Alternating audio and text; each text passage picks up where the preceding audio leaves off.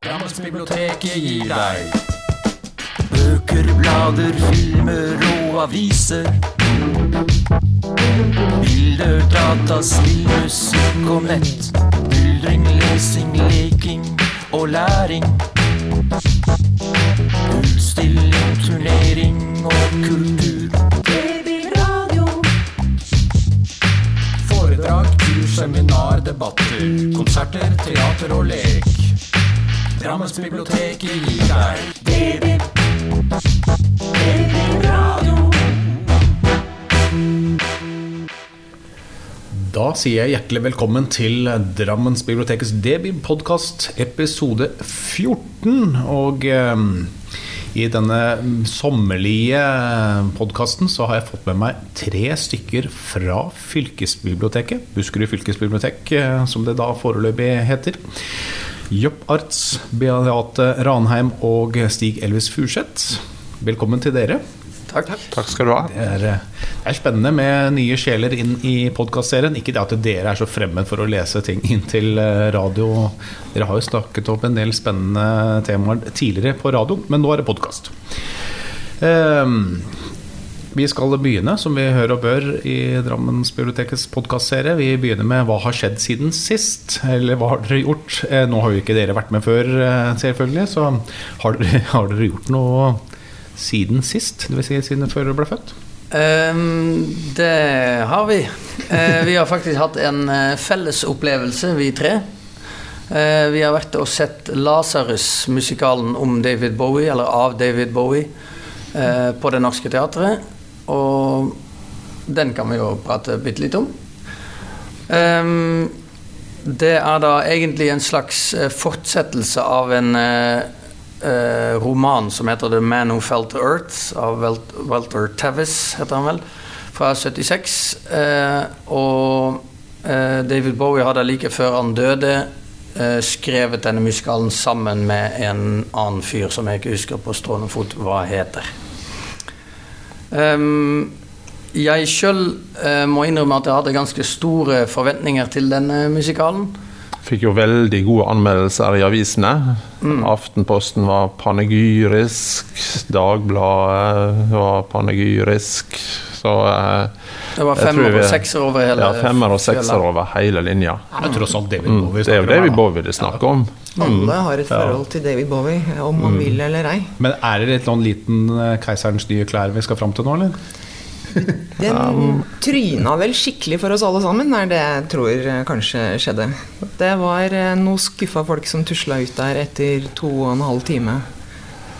Det, det jeg mest skuffa egentlig musikalen som teater. Jeg syns at teaterforestillingen fungerte veldig dårlig. Det var egentlig en veldig tynn, tynn historie, der jeg satt bare og venta på neste låt. Ja, for det må sies at eh, altså, Vokalprestasjonene, altså de musika musikalske prestasjonene til skuespillerne, de var, var veldig gode. De gjorde, jeg synes de gjorde veldig gode tolkninger av Bowie sine, Bowie sine sanger, de som, de som var valgt ut. Og sangvalget og så Det er jo Bowie sjøl som har valgt ut. Og det er liksom at man går litt sånn dypere ned i, i katalogen, eh, katalogen hans òg. Og mm. sangprestasjonene var, var framifrå.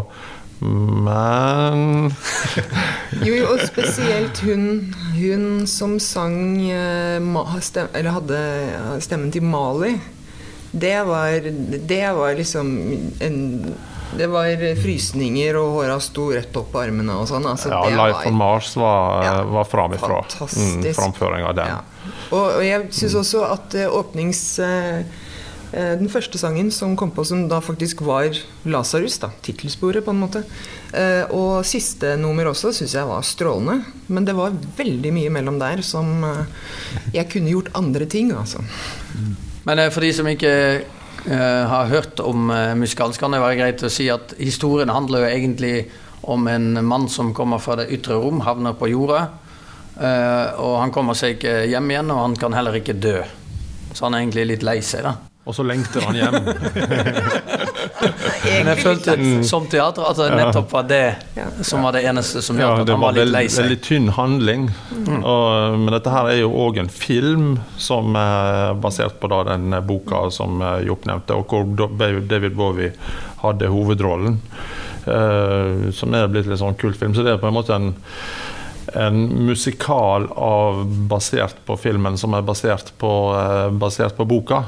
Men jeg synes at selve mm, handlingen og sånt var veldig tynn. Og jeg, følte liksom når jeg gikk dagen etter, så eh, liksom spurte jeg eh, kona mi som var med om eh, ja, Er det noe spesielt vi liksom husker fra kvelden i går? Var det noe som gjorde spesielt inntrykk? Hva engasjerte og sånn? Og da var det bare liksom Nei, det var fort Mm.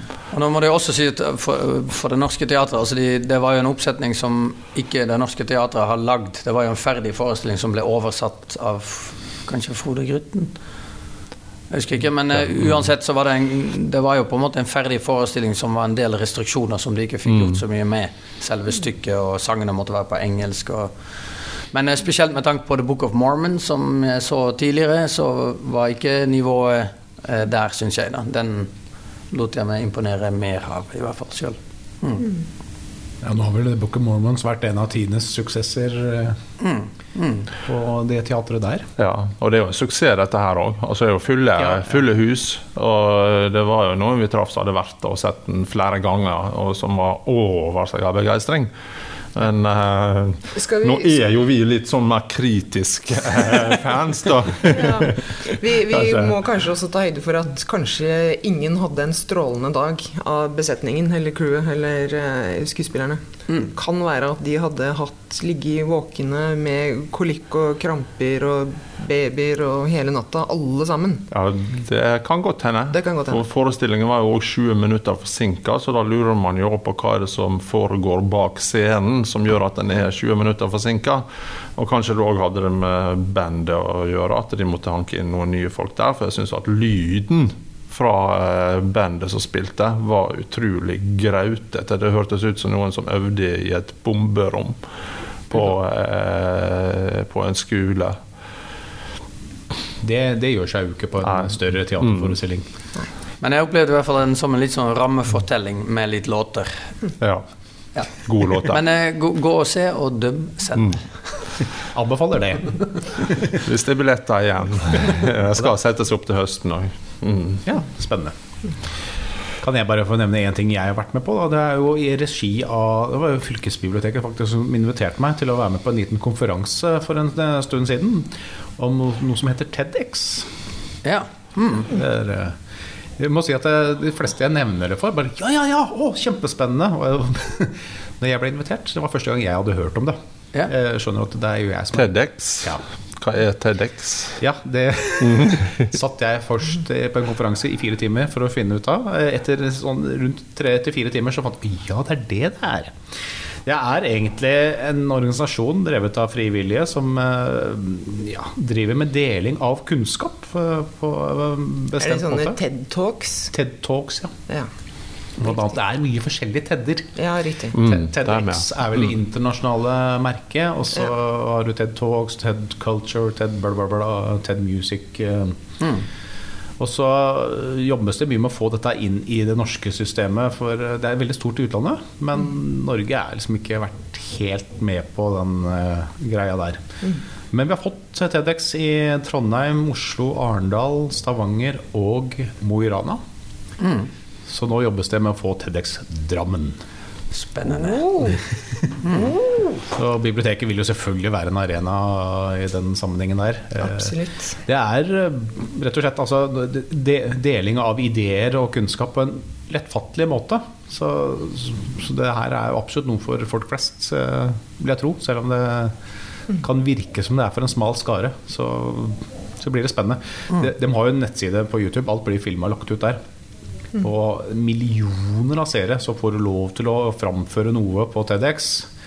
Da kan du nesten ha stjernestatus i andre land. Ja. Gikk dere allerede på eh, hvem som skulle være den første gjesten, eller var det ikke så konkret? Det var mer at vi må få gjennomført. Ja. Men eh, en av de mest kjente TED-talksene som jeg har sett, er jo med han svenske legen og forskeren Hans Roslin. Hvor han da skulle fortelle om eh, økonomi og fattigdom eh, i verden, annet. Og den er jo sett en trillion ganger, altså. Det er en av de mest sette alle sammen, tror jeg. Er det der han sier at uh, folk flest i verden har det mye bedre nå enn tidligere og alt det der? Ja. Ja, ja. Ja, til, til og med jeg har sett den. Ja, nemlig. Så ja. Nei, men det er kult. Men eh, kan temaet være hva som helst? liksom? Bare at du har eh, dyptgående kunnskap om et tema, så kan du melde deg på til å Jeg vil gjerne holde en TED-talk om eh, Elvis Presley. Helt tilfeldig. Da melder jeg meg. Helt tilfeldig valgt. Mm. Nå er det jo ikke opp til meg å bestemme, bestemme her, men du skal ikke se bort fra at det kan være en eh, spennende greie, altså. Men er det Drammensbiblioteket som skal være arrangør for TED Talks i Drammen og i- Nå, nå spør du fryktelig vanskelig, Beate. Eh, Ja, eh, pardon. eh, det må jo først sette sammen en eh, gruppe med frivillige mennesker i Drammensområdet her, da, som har på en måte lyst til å drive med TED Talks. Ja. Eh, Jeg har jo veldig lyst til at bibliotekene skal være en, en sterk eh, arrangør, eller i hvert fall arena, for hele TEDX. Da. Jeg må jo si at det med informasjonsdeling er absolutt er innenfor vårt domene. Det, ja, å dele kunnskap og eh, debattarena og alt det her som hører til eh, demokratiske prosesser og sånt. Så definitivt. Eh, jeg er veldig gira, kjenner jeg. Ja. Spennende. Ja. Noen flere? Eller eh, dere har jo snakka masse om Lasarus, da, så for all del. Drammensbiblioteket gir deg DB-radio. Da kan vi kanskje snakke litt om litteratur. Det kan jo selvfølgelig være andre ting. Film, f.eks. Eh, skal vi begynne med deg, Jopp? Ja, jeg har eh, lest en god del, jeg. Så jeg kan jo eh, nevne en bok som jeg faktisk holder på med nå, eh, som heter 'Medusas flåte' av en østerriksk forfatter som heter Frans Sobel. Um, og det er Man kan vel litt frekt kalle det en skikkelig sjørøverhistorie. Det handler egentlig det, det, er faktisk basert på en virkelig hendelse, et skipsforlis eh, utenfor kysten av Senegal i 1816. Um, der da eh, et skip går på en eh, sandbank, og så flykter eh, øvrigheten, altså kapteinen og adelen. De, de setter seg i båter, og egentlig skal de dra med seg en flåte, men så klipper de, klipper de linen til flåten, sånn at flåten med 150 folk på eh, drifter alene på, på havet. Da. Og det romanen da handler om, er dynamikken etter hvert på den flåten. Og det blir relativt eh, stygge, eh, stygge tilstander der etter hvert. Med bl.a. kannibalisme og drap og mutilasjoner. Og, eh, så det handler mye om hvor tynt eh, fernisset av sivilisasjonen er i ekstreme situasjoner. Det er ikke vanskelig å tenke seg at forfatteren kan se paralleller i, i samtida med et manglende, totalt manglende lederskap, f.eks. i møte med, med klimakrisen. Eh, men det er i hvert fall et veldig sånn eh, eh, Man kan nesten kalle det en slags spletterkomedie møter historisk eh, drama. Da. Man har jo parykker, man har en kaptein som har mageproblemer, og som er mest redd egentlig for å måtte drite hele tiden når han har satt seg på denne, denne båten. Ikke akkurat en sterk eh, lederskikkelse. Um, og så er det en veldig stor et veldig rikt persongalleri med alt mulig slags folk. Og eh, det man, man kan konkludere med etter å ha lest Eller jeg har ikke lest hele boka, men nesten lest hele boka. Er at eh, både høyt og lavt det, det er ingen virkelig gode personer i noen av de klassene som er om bord på båten. Så det er ikke sånn at det er bare adelen som får, eh, får gjennomgå. Um, så jeg syns den er veldig, veldig underholdende og tankevekkende. Og hvis jeg skal få lov til å nevne en annen bok i samme slengen, så gjør jeg det. Kjør på, jobb. Fordi han har jo skrevet eh, en annen bok etterpå, som jeg leste eh, for så vidt før Medusas flåte, som heter 'Rechtsvalser' på tysk. Som betyr egentlig høyre valser, altså som i, som i dansen. Eh, og selv om jeg ikke syns boka var spesielt god, så er den likevel veldig interessant, fordi en, den handler da om et høyreekstremt parti eh, i Østerrike som griper makten i 2024. Altså en slags dystopi, der eh, de på en måte eh, får Østerrike til å bli mer og mer et diktatur enn et demokrati. Eh, og en av tingene som de jobber med, er å selge drikkevann til Saudi-Arabia. Og en uke etter at jeg hadde lest ferdig boka, så eh, kom det, sprakk det en skandale og sprakk en nyhet i Østerrike om at eh, visestatsministeren fra Høyrepopulistpartiet eh, på et skjult videoopptak hadde da prøvd å selge drikkevannet til Østerrike til en russisk oligark. Og dette førte da til at hele regjeringen i Østerrike måtte gå av. Så det var et sånn helt sprøtt tilfelle der eh, litteraturen, dystopien, faktisk blir virkelighet en uke etter. Så vi må liksom flytte egentlig hele boka fra fiksjon vi, over til virkelighetens verden i bibliotekshyllene. Absolutt. Hva visste forfatteren på forhånd? Det har det blitt spekulert mye i. Var han med på den festen som det var snakk om eh, med disse russerne, når eh, dette er opptakene? For det er artig at de gjemt under senga, De har jo ikke funnet ut av hvem som har tatt disse, den disse videoene. Mm. Så det spekuleres jo litt i om han har vært eh, noe involvert. Men uansett en litt interessant eh, forfatter mm.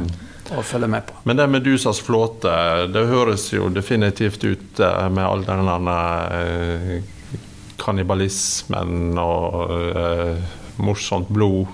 og Blodbad. Ja. uh, er det grafiske skildringer av dette her? ja. Det må det jeg vel kunne si. Så man kan fråtse i det? Ja. Det, blodspruten står ut av avkappede lemmer, og ja, det er ikke noe måte på Og så er den også veldig eh, på en måte eh, veldig politisk ukorrekt hvis du leser den med datidens briller. Han, han legger ikke noe imellom hvordan folk snakker om andre folk på, Mm. på den tida i den situasjonen der. Men den er absolutt eh, grafisk, ja. Mm. Spennende. Da er det nesten så jeg fikk lyst til å ta over her nå. For jeg har også driver og lest eh, Jeg driver og leser så gjerne sånne litt sånn historiske eh, bøker og romanfortellinger. Jeg digger det sjøl. Altså et eller annet med Jeg elsker jo som oftest filmer. Bare det putt på det med en kostyme. Så er det nesten så jeg kan overleve til og med hvilket som helst drama eh, i, i den sammenhengen her. Og, dermed så har jeg også lagt min elsk på Ken Follett. Og det er gjerne 'Stormenes tid', som kom ut i 1989 for øvrig. Bare elsker bare anbefale den. Det handler om England på 1100-tallet og byggingen av en katedral i Kingsbridge. Høres uh, kjedelig ut, men det skjer mye i England på den tiden. Gjerne litt om borgerkrig og sånne ting. Og det morsomme med Ken Follett er jo at han, han bruker mye virkelige hendelser, altså ting som har skjedd i virkeligheten, som i hvert fall det historikerne mener har skjedd. Eh, Og så putter han inn fiktive karakterer inn i disse historiene. Så man, sånn, man sitter og leser en sånn blanding om blir vi opplyst om hvordan England var, og samtidig som vi blir underholdt med mye groteske ting som skjer i England på den tiden der. En herlig bokserie for øvrig. Det, 'Stormen tid' er jo én bok, og så kommer eh, 'I all evighet', som kom ut i 2007. Handler om Kingsbridge, for all del, men på 1300-tallet. Og nå i 2017 så slapp den ut 'En evig ilden', som handler om Kingsbridge og England da fra på slutten av 1500-tallet. Begynnelsen av 1600-tallet. Ok, så man kan lese bøkene Man trenger ikke begynne med den første boka Nei. nødvendigvis. Nei, absolutt ikke. Det er, Mm. det er, Det er enkeltstående. Mm. ses på som en serie, men for all del er veldig stor. eh, Men sånn som i All evighet, da, som er, eh, om, handler om 1300-tallet, veldig mye om svartedauden for øvrig, eh, så er det veldig mye, handler det mye også om ting eh, de som bygde katedralen i eneren gjør, så de må rette opp litt og sånne ting. Så det, er- det Ah, kan mm. jo noe til nød være en fordel å lese i, i samme rekkefølge, men har ingen betydning. Eh, Jeg syns jo Den evige ilden var, foruten å være supertjukk Han kunne fint ha vært halvert, for all del, men eh, men vel, likevel så tror jeg at jeg har lært mye om eh, den perioden hvor protestantene kom inn på banen i Europa og hadde prøvd å få fjerna mye av katolikkene, og den ekstremt blodige krigen dette blei. Pluss at Spania, når de kom innover med sin flåte og ble knust av en bitte liten armada fra England. Spennende historikk, eh, vil jeg påstå. Stig, jeg vil gjerne høre. Yes, uh, jeg har uh, lest, uh, lest meg opp til en eh, film, egentlig. Jeg har lest en sjølbiografi av en ikke helt ukjent eh, fyr som heter Diego Armando Maradona. Og hans Hvem er, og hvem er han igjen? Han er han fotballspilleren, han sant? fotballspilleren, Ja, ja, ja. fotballspilleren og ja, Bajas. trener og uh, ja, supporter. Uh, egentlig uh, total, eh, total fotball. Leser du like mye da fotballbiografier som jeg kanskje leser heavy metal-biografier? Musikkbiografier og sånn. Ja. Hvis de, I hvert fall når det er Diego Maradona, så er jeg, jeg nesten Da er jeg umettelig. Og her får vi jo livshistorien hans fram til og med Han kom vel med denne boka her på midten av 90-tallet, så det er liksom fram til og med, eh, med fotball-VM i Italia 1990 og tida etter det. Han ble eh, tatt for ja, USA-VM, tenker jeg, i 94, hvor han ble tatt for doping. Og han liksom holder en veldig forsvarstale for det òg. Men òg hele bakgrunnen hans eh, fra han var liten guttunge i Argentina og talentet ble oppdaga. Og han gråt sine modige tårer når han ikke fikk være med i eh, Argentina-VM i 1978. 16 år gammel så var han ikke, ble han ikke tatt ut på landslaget. Ja. Det sier, det, sier, det sier litt om nivået, nivået hans eh, på, på fotball. Men uh, greia her er jo òg at han uh, Han eh, gikk jo til, uh, til Napoli i, eh, i 1984 så gikk han fra Barcelona til Napoli. Og Napoli eh, var en klubb som uh, fram til da hadde ikke vunnet noe som helst. Uh, og Napoli er liksom en sånn by i Sør-Italia som en stat i staten, nærmest. Altså, resten av Italia ser veldig ned på napolitanere og byen. De er liksom u-landet i eh, Italia, som resten av og spesielt Nord-Italia ser på dette som, eh, som Napoli som, og søritalienere som eh, folk som de må fø på og støtte opp, og de bare sender penger og uhjelp, nesten. Og, eh, så når Maradona kom dit, da, så eh, snudde han jo opp ned på både klubben og byen.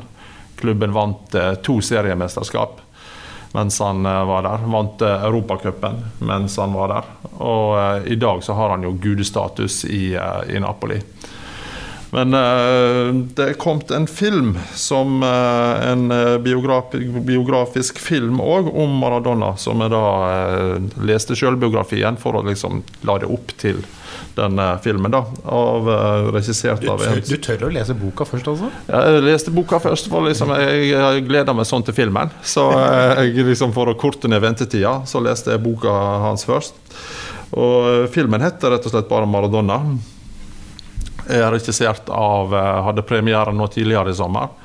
Regissert av en som heter Asif eh, Kapadia. Hvis, Ja, han er eh, jo kjent for Han har jo lagd om Senna, tror jeg. Om han Formel 1. ja, den om. Formel 1-føreren eh, Arten Senna. Den er veldig god. Kjempefin dokumentar, det òg. Amy Winehouse. Amy Winehouse, Ja. stemmer. Så han lager liksom dokumentarer om eh, komplekse personligheter, må vi vel, eh, må vi vel kunne si.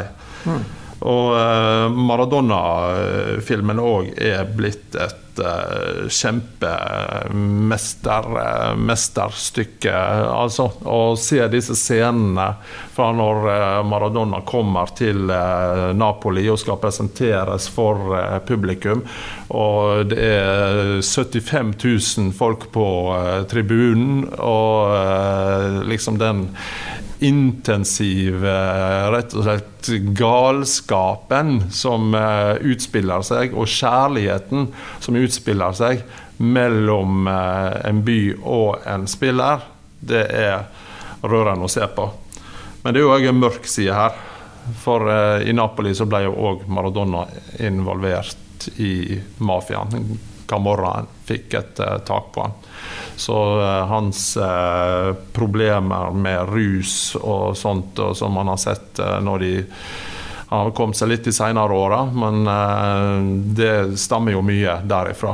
Så det er liksom en sånn både lys og mørk, mørk historie, historie i ett.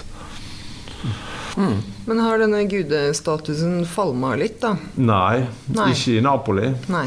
Eh, der, Elsker er, der elsker de han eh, fremdeles. Altså, det er fremdeles eh, Maradona-banner. Det blir sunget Maradona-sanger fra tribunen fremdeles.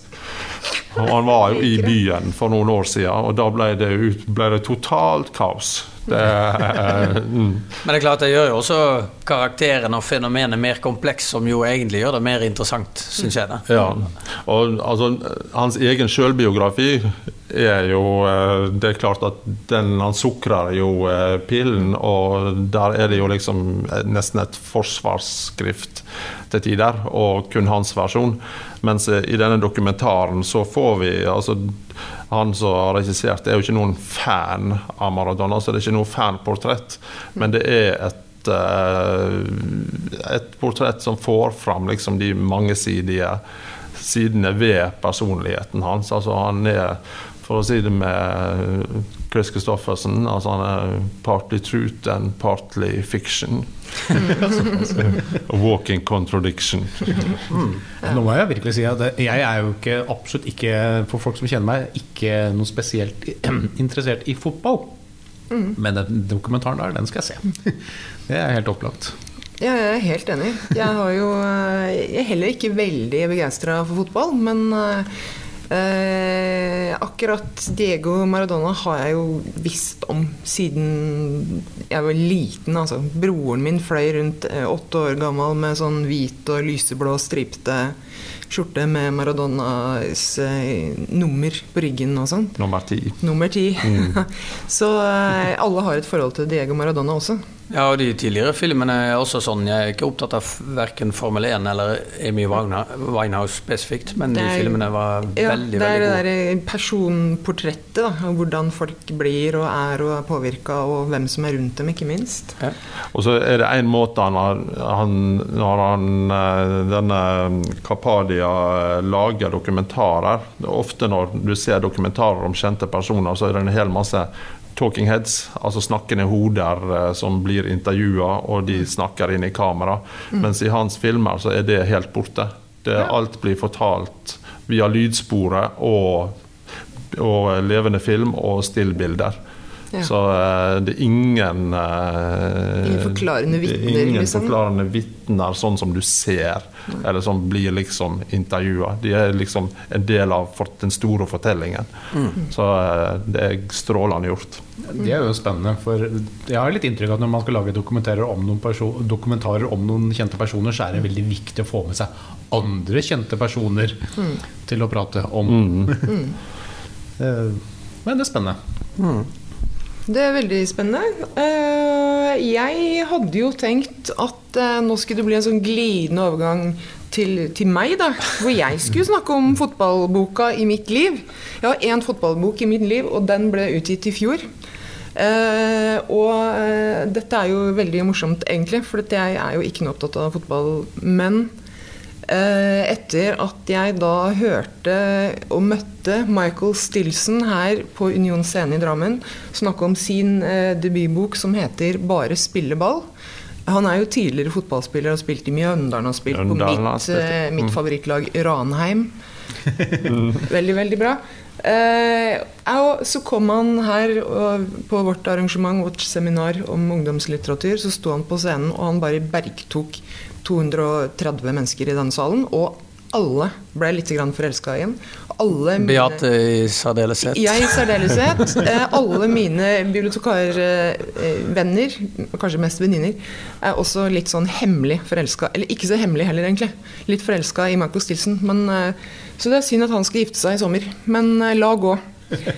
Men les boka hans, altså. Den er kjempegod eh, ungdomsroman om ikke nødvendigvis bare det å spille fotball og ha fotballglede og ønske om å prestere og bli proff og gjøre det godt og sånn, men, men den er også litt sånn generell i det er å være ung og ha mål og bli pressa og dytta og ta ansvar og eh, Så eh, det syns jeg er en veldig god bok. Men så fant jeg ut at eh, ja, akkurat nå i stad sitter liksom tre menn og snakker om tre menn. Så tenkte jeg sånn Nei, nå skal jeg snakke om en dame.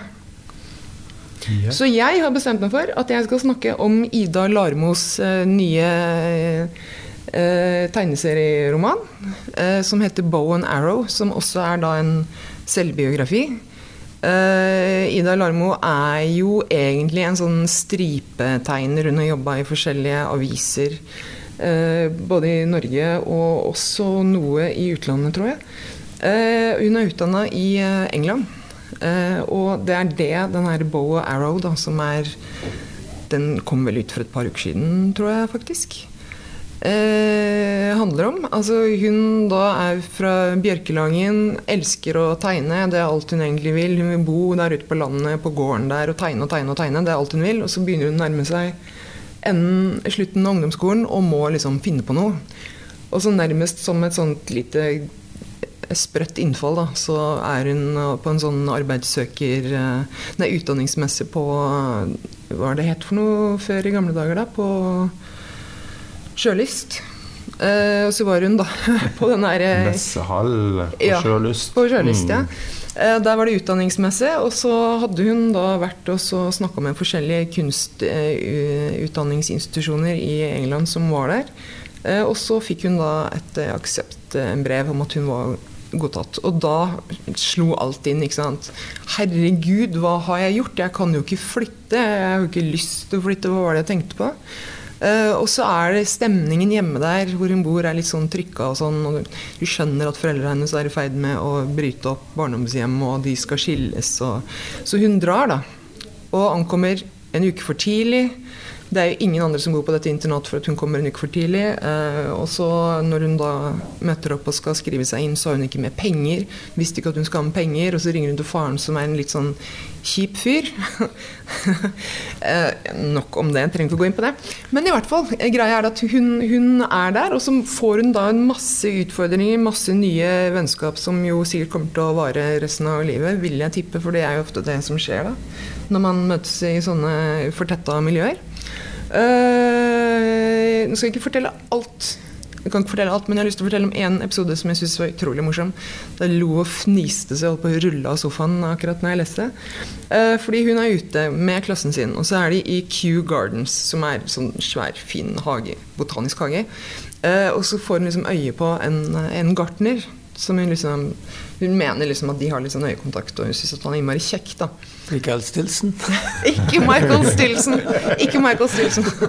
Ja, vi, kan, vi kan forestille oss da at hun ser for seg at det er Michael Stilson. Ja. Uh, men i hvert fall denne gartneren. Uh, og, hun er ut, uh, og dette er en sånn ekskursjon som, som eh, skolen gjør flere ganger. Og hun ser etter han hver gang, og så får, hun, hun ser han aldri igjen. på en måte Eller det går lang tid før hun ser han igjen.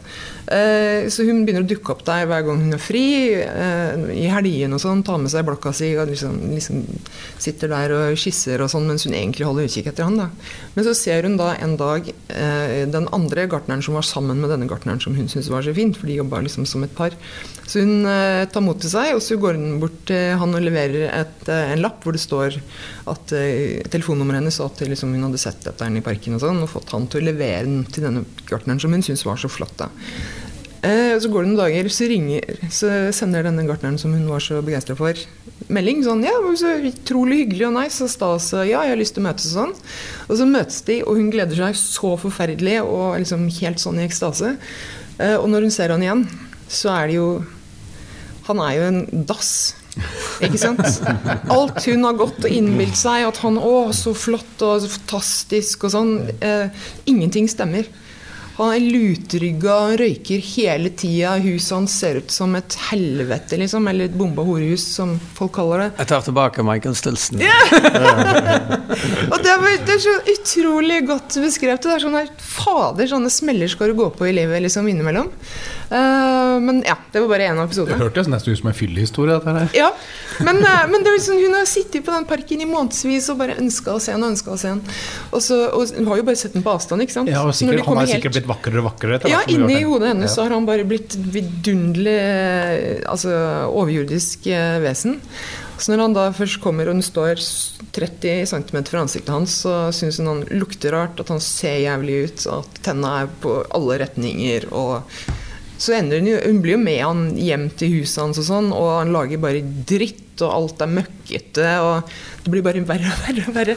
Så jeg, jeg, Ja, og dette er jo en sjølbiografi, da. Så jeg tror helt fint at hun har opplevd det. Så da En overgang fra Maradona. To, Ja. to sjølbiografier. To sjølbiografi. Så eh, Ida Larmo, altså. Ja, Bow and arrow. eh, Når du sier Ida Larmo, som Ja. ja. at uh, hun har skrevet ei billedbok Ja. og illustrert eh, og skrevet ei billedbok som heter 'Putekrigen'. Ja. om ei Ja. lita jente som har ei kosepute, og foreldra vil liksom, som hun alltid har brukt, og sove med og sleve på og alt sånt. Så den er jo blitt eh, nesten så det gror eh, mugg og fremmedartende aliens eh, på den. Og foreldra da eh, vil eh, bytte ut eller ta ifra henne denne koseputa. Og det utvikler seg da til en maktkamp og krig mellom henne og foreldra. Veldig morsom, fin billedbok. En av de beste billedbøkene som kom det året. Den, ja. kom. Så Ida Larmo, altså. Ja, definitivt. eh, Les den. Da er vi tilbake til virkeligheten her. Da får det bli siste ord for denne podkasten. Jeg sier tusen takk til Stig Elvis Furseth, Beate Ranheim og Jopp Arts. Alle tre fra fylkesbiblioteket. Mitt navn det er Raymond Smith. Og så sier vi på gjenhør.